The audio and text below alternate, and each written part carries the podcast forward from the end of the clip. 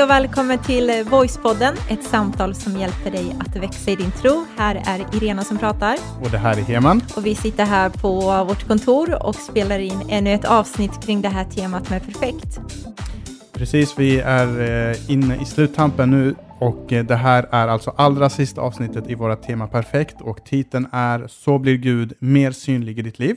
Och eh, jag tror det här kommer bli ett väldigt intressant avsnitt därför att många av oss går omkring och undrar hur kan Gud få synas mer i mitt liv? Gud gör så mycket i den och den personens liv, men hur kan Gud få vara mer synlig i mitt liv?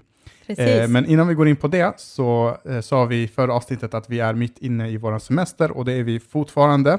Vi har gjort några roliga saker mellan de här avsnitten och idag så har vi med oss en speciell gäst, en jättespeciell gäst. Ja, en väldigt speciell gäst som betyder massor för oss. För vi tänker att hon ska få presentera sig och säga vad hon heter och eh, hur gammal hon är. Så varsågoda. Hej, jag heter Juvelina och jag är sex år. Hoppas att ni gillar Voicepodden. Tack så mycket Sötnos. Det här var våran tjej. Yay! eh, och hon eh, skickar en liten hälsning till dig som lyssnar och hoppas du gillar Voicepodden. Vill du säga en sista grej, något annat också? Mm. Nej, det var bra. Det räckte med det.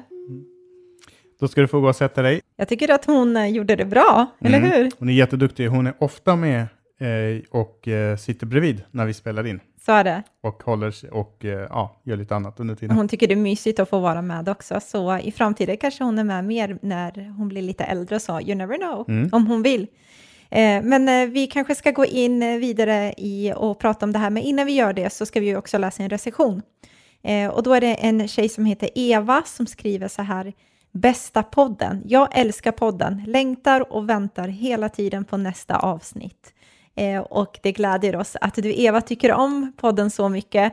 Och är det så att du lyssnar och du har inte skrivit en recension så får du jättegärna göra det på eh, iTunes. Så där så kan man se det och även också på Facebook har vi sagt att man kan skriva en recension där också. Så ser andra människor vad man tänker och tycker kring podden. Precis, och som vi alltid brukar säga också att, att recensionerna är lite grann eh, våran, eh, vårat bränsle. Mm. Eh, för att när man sitter och pratar så här så, så sitter man och är helt ensam och man undrar, är det någon som lyssnar på det här överhuvudtaget? Ja. Och bevisligen så är det det, man, man, man behöver, men det kan vara bra med lite feedback ibland på, på det man gör. Ja, men det kommer jag ihåg speciellt ett tillfälle när Alltså vi vet om att det är ju jättemånga människor som lyssnar, så siffran ser vi framför oss, och så det fattar vi liksom rent sådär logiskt. Mm. Men eh, sen så känslomässigt kan man ibland känna sig sådär lite trött om det är någon intensiv, intensiv period och sådär. Och jag kommer ihåg för några veckor sedan, så hade jag det i alla fall, och då var jag så här, ja men är det ens någon som bryr sig liksom? Mm. Att, du vet, lite sådär, kanske inte jättepositiv tanke, men det hade jag då. Och just då Två timmar senare så får vi ett mejl av en tjej som skriver hur mycket podden har betytt för henne, att hon är jättenyfiken på den kristna tron och har precis tack vare podden påbörjat den här resan i att upptäcka mer om vem Gud, Jesus och Bibeln är. Mm. Och jag bara, okej, okay, jag ska aldrig ge upp Gud, det här är värt allt liksom. Mm. Eh, och det är jättekul att höra den grejen, men även också när man får höra människor som känner att de växer i sin tro, får nya förståelser, aha-upplevelser, blir fördjupade i sin relation till Gud. Det gläder oss så otroligt mycket och vi älskar verkligen det här att få hjälpa människor eh, utifrån det, de gåvor vi har, kunna få använda det så att det får vara till hjälp för dig som lyssnar och till andra människor som lyssnar. Jag ska också säga det i, så här i slutet på det här temat, för det här är som sagt eh, sista avsnittet i det här långa temat vi har haft. Eh, och det är tack för att du lyssnar. Ja, Tack för att du verkligen tar dig tiden. Jättetack. Jag hade gett en kram nu om du var in real life, fast du finns på riktigt, men alltså framför mig. Mm, men att du tar av din tid och ja. lyssnar och, och uh, ja, och tar till dig av det vi säger. Och, Jättetack. Och man behöver inte tro på allt som vi säger, utan man är helt okej okay att tänka lite, men det vet du redan. Det jag har sett fram emot det här avsnittet, jag har gått runt och längtat i en hel vecka. Jaså? Därför att förra avsnittet så pratade, så, så pratade vi om att, eh, där delade jag om eh, mina svagheter, eller no, en av alla mina svagheter. Fint att du säger så. eh, och, eh, och, så, och, så, och den här gången är det din tur. Ja, Mm. det är det. Så att jag säger bara varsågod. Ja, jag tycker det är kul att prata om min svaghet för att eh, det så är det någonting jag jobbat mycket med. Eh, när man precis upptäckte det eller brottades mycket med det, då var det inte så roligt. Alltså minsta lilla påpekan kring det så kunde jag liksom börja gråta direkt. Mm. Men idag så har jag en distans till det så att jag till och med kan skämta om det och bjuda på mig själv och känner så här, jag är glad att man ser den svagheten för att då blir det ännu mer så här, wow, Gud kan använda den tjejen liksom. Mm. Men eh, det är lite flera olika egentligen, skulle kunna nämna två. Så du får en extra bonus, Hemen. Mm. Jag nämnde också två. Gjorde du det? Mm. Kommer inte ihåg det. Jo, men jag sa att jag var besserwisser och Ja, just eh, det. vänta, det är dit du vill ha det. Du vill att det ska handla om mig igen. Nej. Jag bara. Eh, nej, men jag kommer ihåg första gången när jag upptäckte en svaghet och rädsla kring kanske, oj, klarar jag av att göra det här? Och det hade på ett sätt en, en koppling till min framtida kallelse utan att jag visste om det. Jag var 15 år gammal, var med i en rätt så modern kyrka då, kom till tro då, i Stockholm. Och eh, då kom jag ihåg att den kyrkan liksom växte jättemycket och det hände massa saker. Och då hade man alltid så här ett bönemöte kallar man det för. Alltså att på, på kvällen så samlades kyrkan och sen så bad man för olika saker och så var det oftast ledare eller pastorer som ledde ja, olika bönämnen som man hade liksom som man bad till Gud om. Och eh, då kommer jag ihåg att min eh, ungdomspastor då, på den tiden, kom fram till mig och eh, jag tror att han hade frågat först en annan kille, så, ah, vill du gå upp och be för ungdomarna i Stockholm? För att Gud ska verkligen få beröra den generationen och sådär. Så han hade typ tackat nej och sagt så här, men fråga Irena istället. Så där står jag i bänken, du vet, och är med och är ganska ny i tron, men redan då visste jag någonstans om att Gud hade någonting för mig och jag bara ville ha det liksom. Mm. Så jag var den här väldigt så här, ändå typ stack ut med hakan och vågade ta för mig och ville liksom växa, ville veta mer, jag var hungrig liksom så. Och så kom han fram till mig och bara, ja Irena, skulle du vilja be liksom för, eh, för ungdomarna i Stockholm, du vet?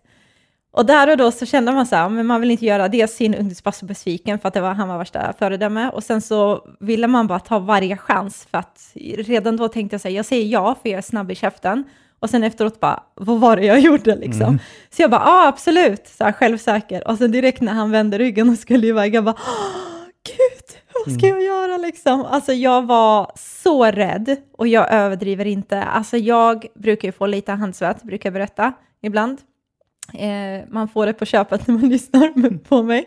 Så det kommer med. Det är en svaghet kanske. Eller så är det en kroppslig svaghet, jag vet inte. Ja, man ska inte sitta på första raden när du predikar i alla fall. Precis. Alla bara, har det börjat regna inomhus? Va? Nej, det är rena som viftar med händerna. Nej, så illa är det faktiskt inte. Jag, tror, jag hoppas inte det. Men hur som helst så var jag så rädd, alltså för jag tänkte så här, det är nytt, jag har aldrig stått på sån scen, alltså det var inte en kyrka på få medlemmar utan var verkligen packat, alltså flera hundra var det där. Och då kände jag så här, oj, vågar jag göra det? Vad ska man göra? Hur ber man? Alltså plötsligt var jag helt så här blackout. Jag visste inte, jag kom inte på någonting. För ibland kan man säga, men man ber för de här, så här safeguards, du vet, så här, man ber att de ska möta Gud eller någonting. Men jag, Fred på jorden. Ja men, ja, men lite så här. Men jag var helt blank. Alltså jag visste ingenting. Så hjärtat började pumpa, svett eh, liksom började bara porla runt i händerna eller vad man säger.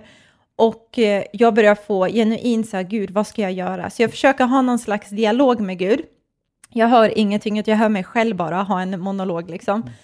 Så jag bara, Gud, du måste hjälpa mig, du måste hjälpa mig, jag vet inte vad jag ska be om, Gud, du måste hjälpa mig, alltså på riktigt Gud. Och sen så känner jag så här, det blir bara värre och värre, du vet, hjärtat bara ökar, blodflödet bara ruschar runt i, i liksom kroppen. Till slut så blir min personlighet, så som jag är, Och skapt. jag ska bara säga det att efter att ha varit varit gift med dig i många, många år, Ja, du kan bli uppspelt över nästan ingenting. ja. Så jag kan Precis. tänka mig hur du... Det här var en stor grej alltså. ja. Det var en stor grej och jag var helt alltså, i min bubbla och bara jag måste fixa det. Plötsligt glömde man bort alla andra, man glömde bort, glömde bort syftet av att be, utan det var så här, du Gud måste lägga all din universums krafter på att hjälpa mig och be till dig nu liksom.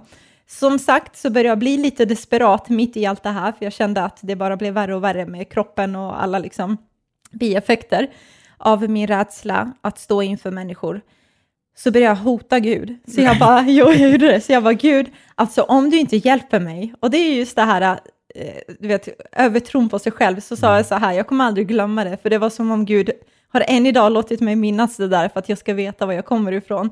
Men lite så här, ja men gud, om du inte hjälper mig så kan du glömma att jag kommer predika om dig. Du kan glömma att jag ska faktiskt berätta för andra människor om vem du är. Och jag var så seriös med det. Och jag tror att Gud bara så här, ja men Irena, du vet så här, jag gillar henne, men mm. ja, hon har mycket att lära. Mm. och i min desperation där, den var så genuin, för jag kände verkligen det där och då, att jag menade. Så går jag upp på scenen än en gång så är det totalt blankt i mitt huvud, jag känner ingenting, vet ingenting. Men så fort jag får den här mikrofonen och så ser man så här, du vet pastorns stolta blick, så här, come on, come on, make me mm. proud, och du vet lite så här. Så bara tar man micken och jag bara, helige Gud, alltså hjälp mig, alltså lite så här desperat verkligen. Eh, helige Ande, du måste hjälpa mig, det var det sista jag sa liksom. Mm. Och så bara blundar jag och i sekunden, alltså samma sekund som jag bara blundade, så kom det en sån frid över mig och ett lugn.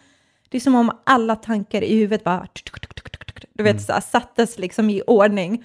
Och jag kunde be. Mm. Och jag, tydligen så fick jag höra efteråt, oj vad du var frimodig där uppe. Jag vet inte vad jag gjorde, jag gick runt på scenen eller någonting så här, men... Trodde att du var något. Trodde att jag var något bara. Hota Gud. precis. Det är kanske alltså, det de menar med att du var frimodig, du ja, hotade Gud i din bön. jag kommer inte ihåg vad jag bad om, så you never know alltså. Gud, om du, inte, om du inte gör något för ungdomarna i Stockholm, då lägger vi ner den här kyrkan. Alltså, så, jag hoppas inte det. Men det var i alla fall en svaghet i just det här, oj, jag vågar inte stå inför så många människor. Men jag visste att det var kopplat till min kallelse på ett sätt. Mm. Men där och då kände jag mig så svag och desperat.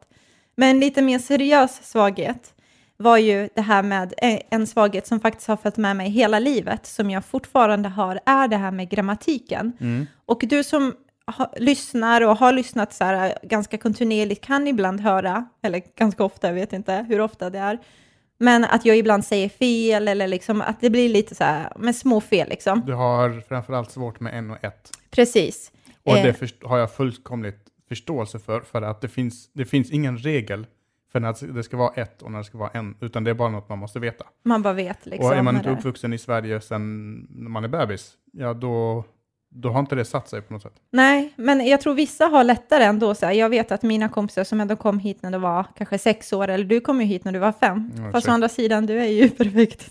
Jag är perfekt. Ja. Nej, men jag tror man alla har olika förutsättningar för hur man lär sig språk och sånt. Ja, men, men i alla fall för mig så har det varit en utmaning det här med grammatiken, just med ett och en i alla fall. Och då har jag tänkt, speciellt inte i tonåren, för man bryr sig inte så mycket, man bara kör sin grej, men just när jag kom upp lite mer i unga vuxen, liksom åldern, då började jag tänka jättemycket på att nej, men jag tror inte att Gud kan jag liksom tänkte så mycket på det, och speciellt när någon skrattade till eller skämtade så, man ser ju så här. Mm. Och jag tror inte den personen menar något illa eller vill vara elak, utan bara att det lät lustigt och så bara skrattar man åt det liksom. Men för mig så satte det små, små ärr eller små sår i hjärtat som gjorde liksom att, att jag kände mig ännu mer hämmad över att säga oj, kommer jag någonsin kunna stå inför folk? Tänk om hela predikan går ut på att alla ska kommentera allt jag säger fel. Mm. Alltså det blir ju så här jätteabsurt i huvudet. Och det är speciellt att när, när det är en svaghet i ens liv som man vet att min framtid hänger på det här. För att jag, mm. det här är min framtid, det här är min passion, det här är det jag vill göra. Men det jag vill göra hindras av den här lilla grejen som jag har. Så det är en sak till exempel att vara konflikträdd mm. och jobba på ett eh, smart kon sätt att kontor, undvika det? Nej, men typ. jobba på ett kontor okay. och aldrig möta människor.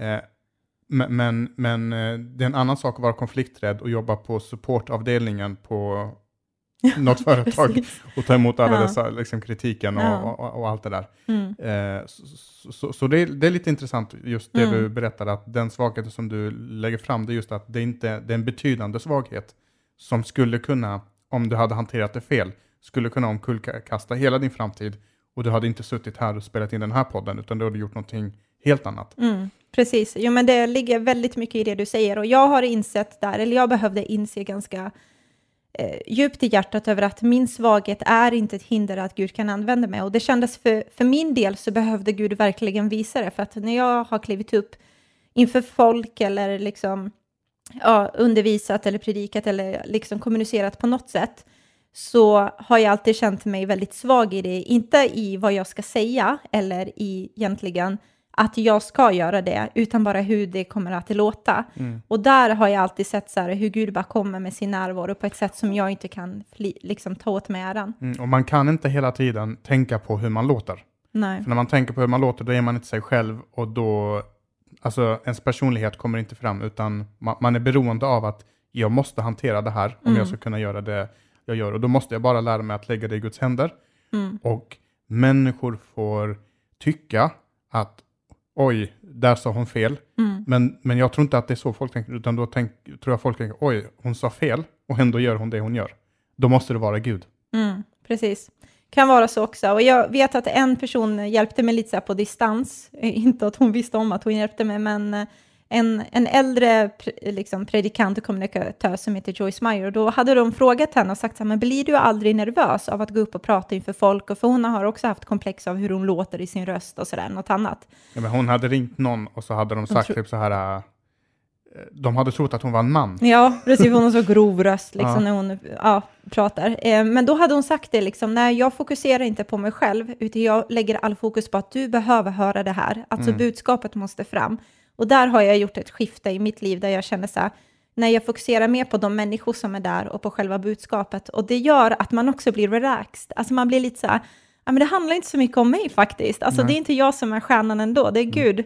Och det är han som är den som jag vill att de ska komma ihåg efter att de har hört mig och inte bara wow hur grym Irena är. Liksom. Nej, precis, precis.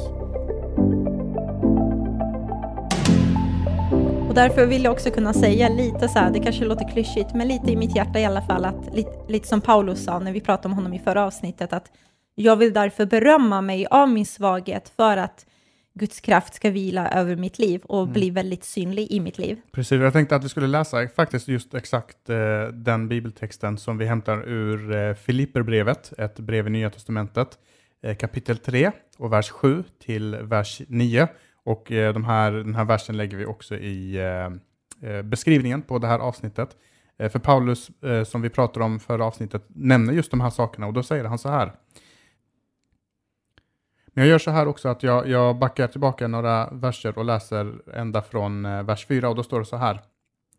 Fast om det räckte med att förlita sig på det yttre, då skulle jag själv ligga mycket bra till. Om någon kan skryta över sådant så är det jag.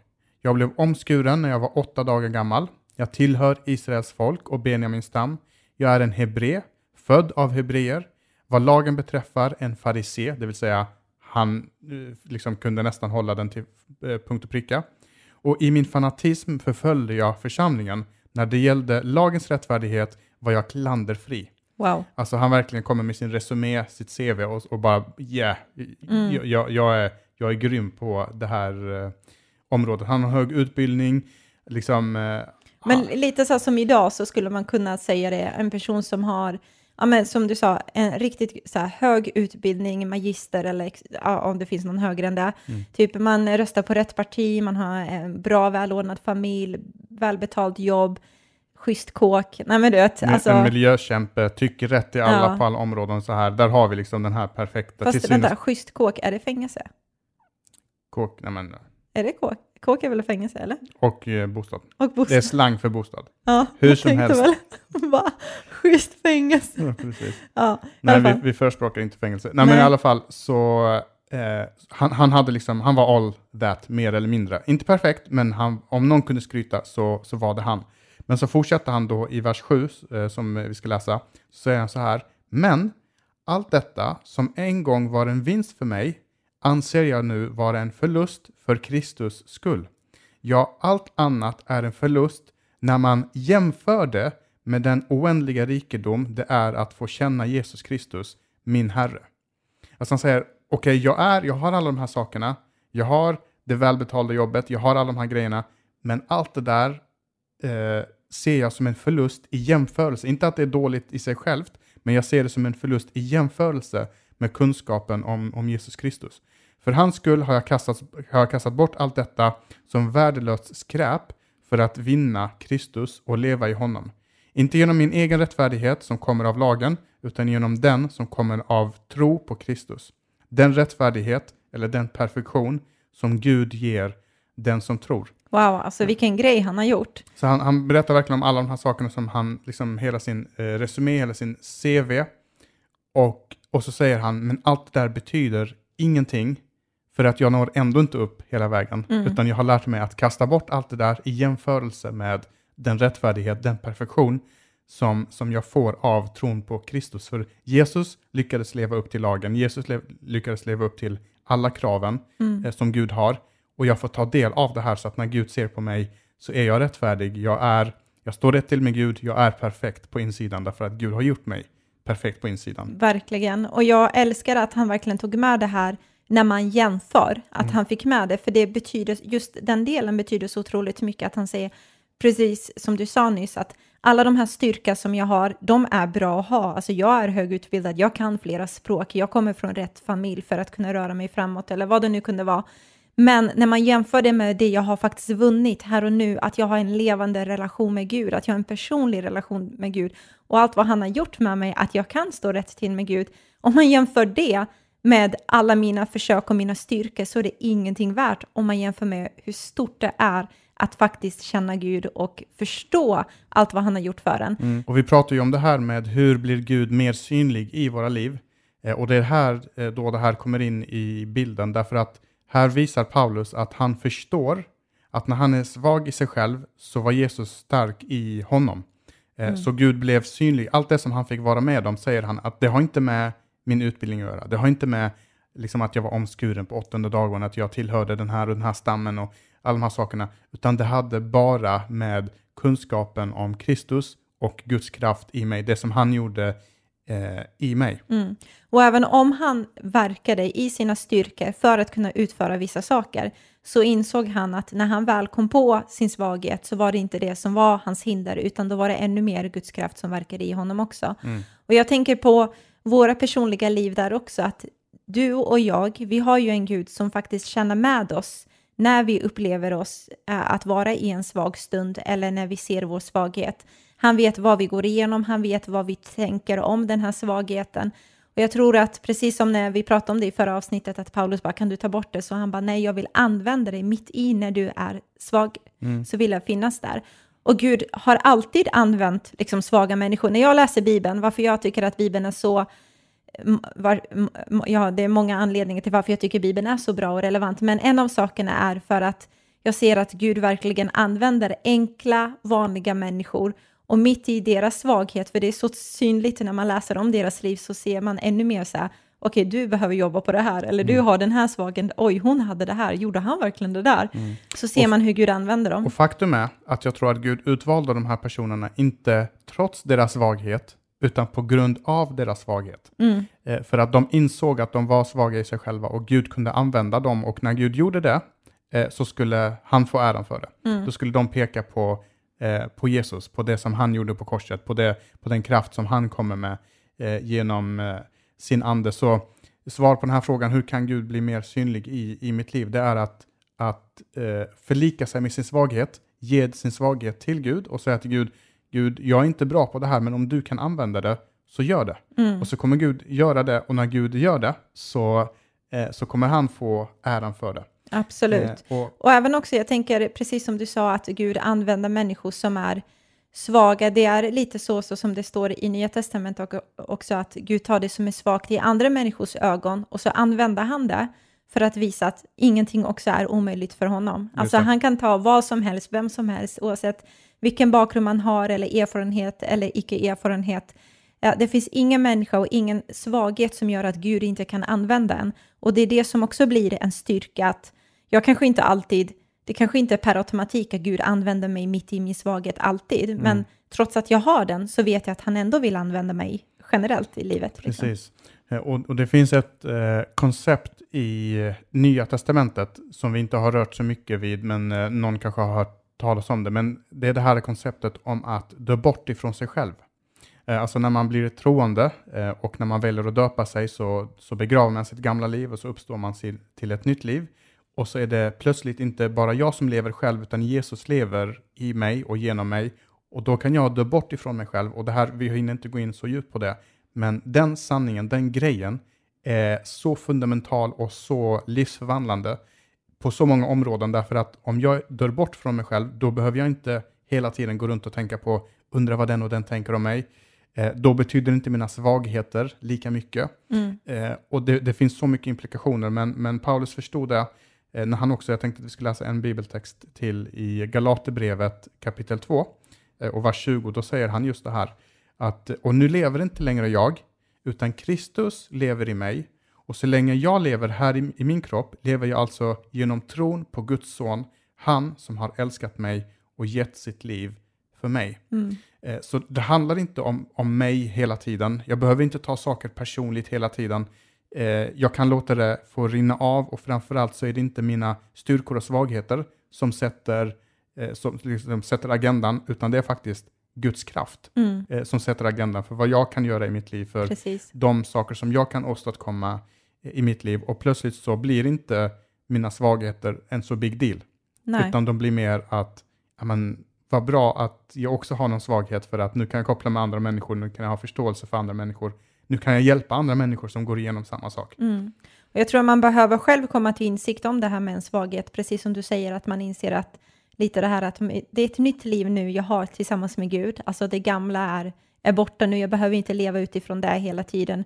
Och även också det här med svagheten, att inte hålla på och skämmas över det hela tiden och sätta lås i sitt eget huvud över vad Gud kan göra, utan bara ge det till Gud, skäms inte över det, utan bara Gud, du vet om det här, det. och jag vill, om det är möjligt, så vill jag bli bättre på det. Men om det är så att det här är någonting som kommer följa med mig hela livet, styrk mig i det, hjälp mig i det. När jag är mitt i det så vill jag förlita mig på dig. Just det. Eh, och just det här som du säger, att inte skämmas över sin svaghet, inte bara att inte skämmas, utan vara öppen med det.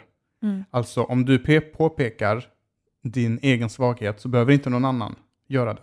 Mm. Alltså då har du verkligen dödat all form av, vad ska man säga, eh, att, alltså, att bli retad eller att, att någon ser ner på en eller bara, nej men alltså jag vet ju om det här, Mm. men kolla, jag ler, jag är glad och jag, jag, jag låter inte det här hindra mig. Eh, och så bara tillbaka till det här med just ehm, hur, hur Gud väljer de här liksom svaga människor för att och, och använda dem. Mm. Eh, så fick jag höra en, en liknelse, en, en berättelse och det är det här, tänk dig att, eller så här, vad skulle du bli mer imponerad av? Om du har en bil och så är det ett fel i den bilen, någonting har hänt i motorn långt djupt inne i den motorn. Och vad, vem skulle du, och så har du två mekaniker. Den ena meka- mekanikern, han är liksom ute, mitt ute i öknen, eh, det är helt ödsligt, han har en liten verktygslåda med några skruvmejslar och några skiftnycklar. Mm. Eh, och, och så har den en annan mekaniker, han jobbar på ett högteknologiskt företag och han behöver i princip bara plugga in någon sladd i bilen och så vet han precis vad felet är. Vem skulle du bli mest imponerad av? Den som använder bara en skiftnyckel och en skruvmejsel eller den som använder allt det där andra? Mm. Eh, och det, det jag skulle blivit imponerad av det är ju den som använder bara en, en liksom kan fixa min bil med en skiftnyckel och en skruvmejsel. Och det är just det som är lite andemeningen i det här att, att Gud vill använda svaga verktyg för att då får han äran, då, då blir vi imponerade av Gud och då ser inte människor oss, för jag är inte källan, jag är inte målet, utan det är Gud som är källan och det är han Precis. som är målet. Mm. Eh, och det är honom vi vill peka människor till. Ja, men precis. I, det är helt rätt i det du säger. Och jag tänker en sak när det gäller våra liv, det här med tiden. Att ibland så har det varit en svaghet för oss. Och jag vet att vi alla människor har exakt lika många timmar eh, och rör oss med. Men att egentligen så har vi inte tiden för att dels driva ett företag, starta en kyrka, hålla igång med det, ha en podd och mycket annat fritids, hobby, sysslor som vi också har. Att egentligen har vi inte tiden med det vi gör nu och spela in avsnitt och sånt. Men mitt i det så känner vi så här, Gud, vi, när det inte alltid blir perfekt att det kommer liksom varenda vecka, det är vårt mål och vår Mm. ambition, men ibland händer livet. Då vill vi mitt i den här svagheten ändå bara, okej Gud, hjälp oss och styrka oss och använd oss. Men också att Gud äh, hjälper oss i det att det finns faktiskt människor som ger till den här podden. Mm, Det är en hjälp som inte går att underskattas. Det är inte många, det är en handfull personer, eller två handfull personer som, eh, som är med och stöttar, som tror på, på det vi och gör. det Och, betyder så mycket. och det betyder så otroligt mycket. Är du en av dem som lyssnar nu och tänker bara, men det här är ju bra grejer, det här måste fler få lyssna på. Eh, så var gärna med och, och stötta oss på något sätt. Man kan bli en månadsgivare om man går in på j.voice.se, det finns i, i beskrivningen. Mm, Men det är precis som du säger, att, att eh, det som är vår svaghet, det betyder inte per automatik, nej men då ska vi lägga av. nej, Utan Gud kan ta det eh, och så gör han någonting av det. Absolut, och då kan vi göra andra saker. Man kan ju kanske jobba lite mindre för att då behöver man inte jobba så mycket för att kunna marknadsföra. För om vi vet att det kommer budget någon annanstans ifrån, att människor stöttar på den för att vi ska marknadsföra den och sånt, så möjliggör det för oss att kunna eh, använda de pengarna till det istället för att behöva använda mer tid och tjäna ihop det själva. Mm. Så, men mitt i den här svagheten som vi alla känner så tror jag att vi också växer i det. Alltså vi har pratat om det, hur man ska förhålla sig till det, vi har pratat om att Gud blir synlig i en svaghet, men något som händer i en också att man växer när man liksom ser sin svaghet för att man inser att jag förlitar inte bara på mig själv mm. och jag förlitar mig inte bara på min egen kraft och mina egna styrkor och min egen liksom kompetens, utan jag behöver här och nu lita på att Gud kommer, eller jag behöver lita på att Gud använder mig, eller Gud styrker mig, eller Gud ger mig idéer, kreativa tankar. Alltså i stunder av svaghet så känner jag att jag växer i att lita på Gud helt enkelt. Precis, och vi har nämnt flera personer i Bibeln redan. Vi har nämnt Pet Paulus, vi har nämnt Petrus. Och i Gamla Testamentet så har vi eh, Mose som var liksom den stora karaktären i Gamla Testamentet. Han hade ju också svagheter mm. när Gud kom till honom och så sa han, du ska vara med och befria mitt folk från slaveriet. Och så säger han, fast jag kan inte tala. Mm. Men grejen är att han kunde egentligen tala, det var för att han, han hade varit i palatset och var liksom en väldigt högställd person, men han hade också varit i öknen i 40 år och det gör någonting med en människa. Ja, men just och, att han... Han har bara, bara liksom sina får runt, runt omkring sig. Mm. Eh. Men just den här svagheten som han hade var ju hans osäkerhet. Precis som du säger så var han en stor ledare, han var inflytelserik och jag tror om man utifrån tittade på Mose tyckte man säkert att ja, han har liksom alla saker på plats. Mm. Vad har du som är egentligen så svagt i ditt liv? Du gör ju din dröm, alltså lite så. Eh, och så ser man hur Gud utmanar honom till att göra någonting och så plötsligt blir han osvä- osäker på sig själv. Precis, och så säger han just de här orden, men jag kan inte tala. Och det intressanta i det, det är att Gud säger inte jo då, jo då Mose, du kan tala, du är duktig, du är en fin pojk, liksom. du, du, du, kan, du kan göra det här. Så han väljer, han, han väljer att inte appellera till de svagheter slash styrkor som Mose har, utan då säger han istället att han pekar på sig själv, säger, säger han, ja det kanske är sant, men jag ska hjälpa dig. Mm. För du ska gå till farao och så ska du tala om för farao vem som har sänt dig. Mm. Alltså han pekar hela tiden på att det är min kraft som kommer verka i din styrka. Så det här är inte bara ett så här nytestamentligt eh, budskap, utan det har funnits med hela tiden. Gud har mm. alltid valt människor som, eh, som inte skryter, som inte är högmodiga, utan som är ödmjuka och kommer till Gud och säger du, jag har de här svagheterna, Gud, kan du göra någonting med det? Mm. Och så säger Gud, ja, det är sant, du har de svagheterna, ge mig dem, så kommer jag göra någonting fantastiskt med de här svagheterna. Och det är någonting som gäller, tänker jag, inte bara för Mose och i Bibelns eh, liksom, människor där, utan lösningen till människors svagheter idag också, eller dålig självkänsla, är i första hand Eh, inte att säga liksom än en gång som du sa om deras styrkor och lyfta fram dem och boosta dem, utan att peka på, vet du vem det är som är med dig? Vet du vem det är som har gett dig de här löftena? Vet du vem det är som har lovat att han kommer alltid vara med dig? Han kommer aldrig lämna dig, han kommer aldrig överge dig. Han, hans kraft är med dig och det är Gud själv. Liksom. Mm. Att peka på vem det är som är bakom dig, eller vem det är som är framför dig, rättare sagt. Eh, för än en gång, när vi är svaga, eh, i oss själva så vill Gud komma och komma med sin kraft och komma med sin styrka. Mm, och vår svaghet blir då det största exemplet och det största, det största beviset att Gud kan verkligen använda vem han vill. Mm. Alltså han kunde använda dig som 14 år, eller 15-årig tjej, han, han, kan använda mig, han kan använda dig som lyssnar. Eh, på olika sätt. Du kanske vill vara världens bästa mamma, då kan han använda dig det. Du kanske ska vara en eh, företagsledare, då kan han använda dig det lyckas inom sport, lyckas, inom eh, liksom, musik, inom vad som helst. Liksom. Precis, vad den är, mm. så visar Bibelns budskap att Gud kan verkligen använda vem som helst och ingen är uträknad. Så vi behöver inte ta våra svagheter och, och, och säga nej, Gud kan använda den och den och den, men nog inte mig. Nej, men för det ligger så mycket i det du säger och jag tycker det är så bra just det här att, alltså om, det är så fräscht egentligen att tänka just det här om att om Gud kan använda henne, alltså jag skulle jättegärna vilja att någon tänker så här, om Gud kan använda den där tjejen, ja men då kan han använda mig. Att folk får hopp och tro för att, nej men jag tror faktiskt att Gud klarar av att fixa mig. Och om det är så att det är inspirerat av övermod eller lite stolthet, låt det börja så då, så kommer Gud dela resten liksom med att forma ens karaktär och så. Mm. Men hellre att vara ett exempel för hopp och för att Gud kan ta vad som helst och vem som helst än att ständigt visa upp eh, liksom, sina styrkor och försöka få människor att känna istället att de aldrig kommer räcka till. Du kommer aldrig leva upp till min nivå. Nej, nej, du måste ha min ton av hur jag pratar, du måste ha min bakgrund, du måste se ut som jag. Man får inte vara längre än 1,58 för mm. annars så kan Gud inte använda Nej, men förstår vad jag menar. Eller du ska vara längre. ja, det också. Men nu bara uttryck utifrån mig men, själv, men just att ni förstår poängen där, att mm och Hellre vara en inspirationskälla. Precis, och än en gång att svaghet kopplar samman människor och styrka imponerar på människor. Och vår uppgift är inte bara att imponera på en massa människor och få dem att känna hjälp. Den där människan är så duktig, jag kommer aldrig någonsin kunna göra det som han eller hon gör. Mm. Eh, utan bara tvärtom att, oj, kan den personen göra det? Trots att de har det där. Mm. För jag var jätteimponerad av en person som jag tycker är en otroligt duktig kommunikatör idag i Sverige.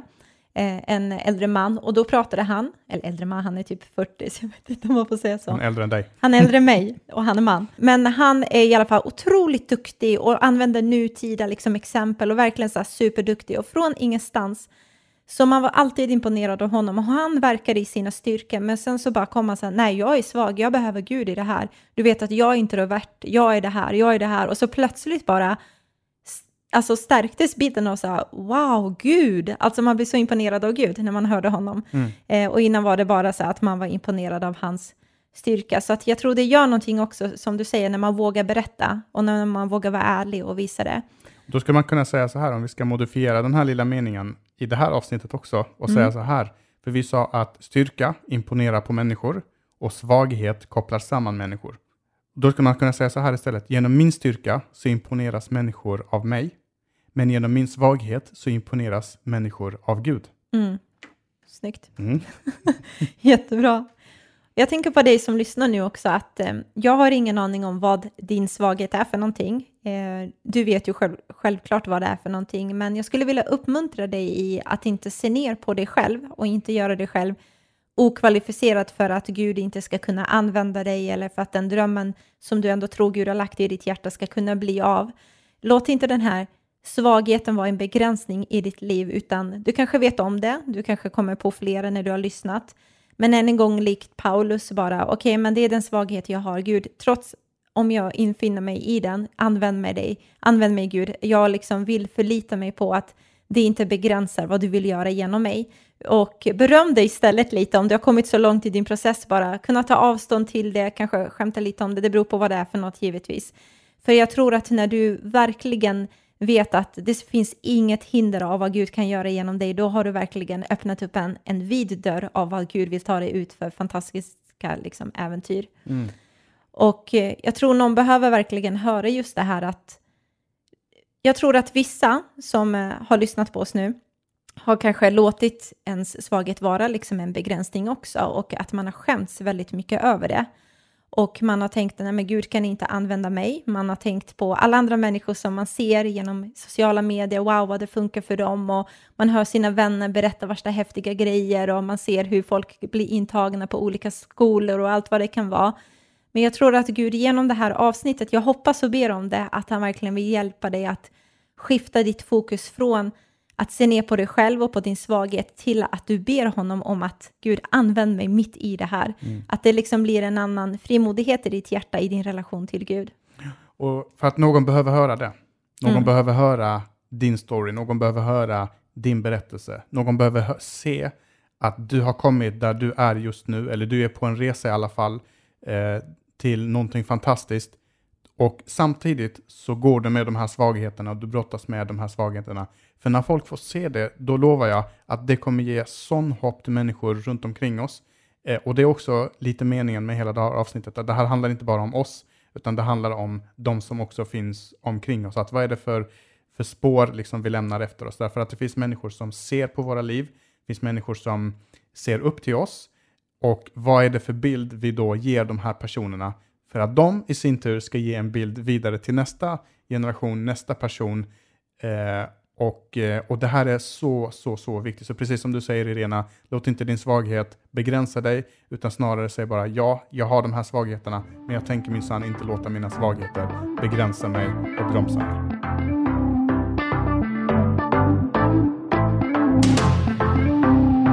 Då har vi eh, avrundat eh, hela det här temat kan man säga, avslutat det temat. Det här är sista avsnittet i temat Perfekt. Och du som lyssnar, vi hoppas och ber verkligen, eh, kanske att det är en påminnelse eller så har det varit något helt nytt, ett nytt perspektiv för dig att, att höra och ha liksom en, eh, en rätt eh, relation till din svaghet och så. Men Heman, har du någon sista liksom, slutord som du skulle vilja skicka med till våra lyssnare eller till den som lyssnar? Men jag tror vi har pratat väldigt mycket nu. Jag tror det här, om det här är avsnitt nummer sju i det här temat så är vi nog uppe i över nästan fyra timmar om perfektion. Mm. Eh, och det är ganska Masta, ge, det ger dig själv en applåd, du som ja. har lyssnat på alla, alla Bra avsnitten. jobbat! Men om man, om man bara ska sammanfatta allt det som vi har pratat om, så just det här, bara släpp fixeringen till att, ska, att du måste vara stark, att du måste vara perfekt, och låt Gud istället börja använda dig genom din svaghet, genom din operfektion. Och sen låt också Guds perfektion få leva genom dig, så att när du kommer till Gud, du behöver inte ha någon skam, du behöver inte eh, känna de här känslorna, utan du kan komma till Gud och säga Gud, i mig själv så är jag inte perfekt. Gud älskar ödmjukhet, Gud älskar när vi tar av oss maskerna, han dömer inte oss, han slår inte ner på oss, utan han, han står där och så är det nästan så att man kan höra honom säga typ så här, vet du vad jag har väntat och längtat på att du ska komma till mig med din svaghet, för jag vill använda dig. Mm. Ungefär så. För ingen av oss är perfekt, men vi tror på en perfekt Gud som Absolut. kan göra fantastiska saker med helt vanliga människor. Mycket bra. Mm. Bra, inspirerande och vi känner oss rätt så klara när det gäller som sagt det här temat och nu så tar vi... Jag ska vi... bara knyta tillbaka till det här nu när du har hört på ja. hela det här, hela det här äh, av, äh, temat Eh, om du vill partner med oss och hjälpa oss att få ut det här budskapet, nå fler människor med det kristna budskapet, eh, Eh, så överväg eh, att, att bli givare. Eh, bli månadsgivare, gå in på ge.voice.se, det finns en länk i beskrivningen. Och då dras det en månadsvis summa och den här summan används för att sprida podden på sociala medier så att ännu fler kan få vara med och, och höra det här. Det skulle betyda väldigt mycket för oss och vi vet att även om vi har x antal liksom, tusen lyssnare eller vad det nu är, så vet vi att vi bara har knappt skrapat på ytan om man tänker på hur många invånare som Sverige har. Mm. Eh, så det vore till en, en enorm välsignelse om du vill göra det, verkligen. Stort tack till dig som funderar och känner det nu i hjärtat, ja men det är självklart att jag vill göra det, det betyder massor för oss. Och eh, precis som jag skulle säga där så är det här sista avsnittet i temat perfekt. Och nu tar vi en två veckors paus va? Ja, precis. Vi kommer ta två veckors paus och eh, ladda i på batterierna och se fram emot en spännande hösttermin. Så är vi tillbaka igen med ett nytt tema, ny hösttermin och eh, förväntansfulla på vad Gud vill göra i både ditt liv genom podden men även generellt genom podden. Så vi ser fram emot det. Yes. Så får vi önska dig fantastiska två veckor så hörs vi snart igen. Mm. Ha det bra. Hej då!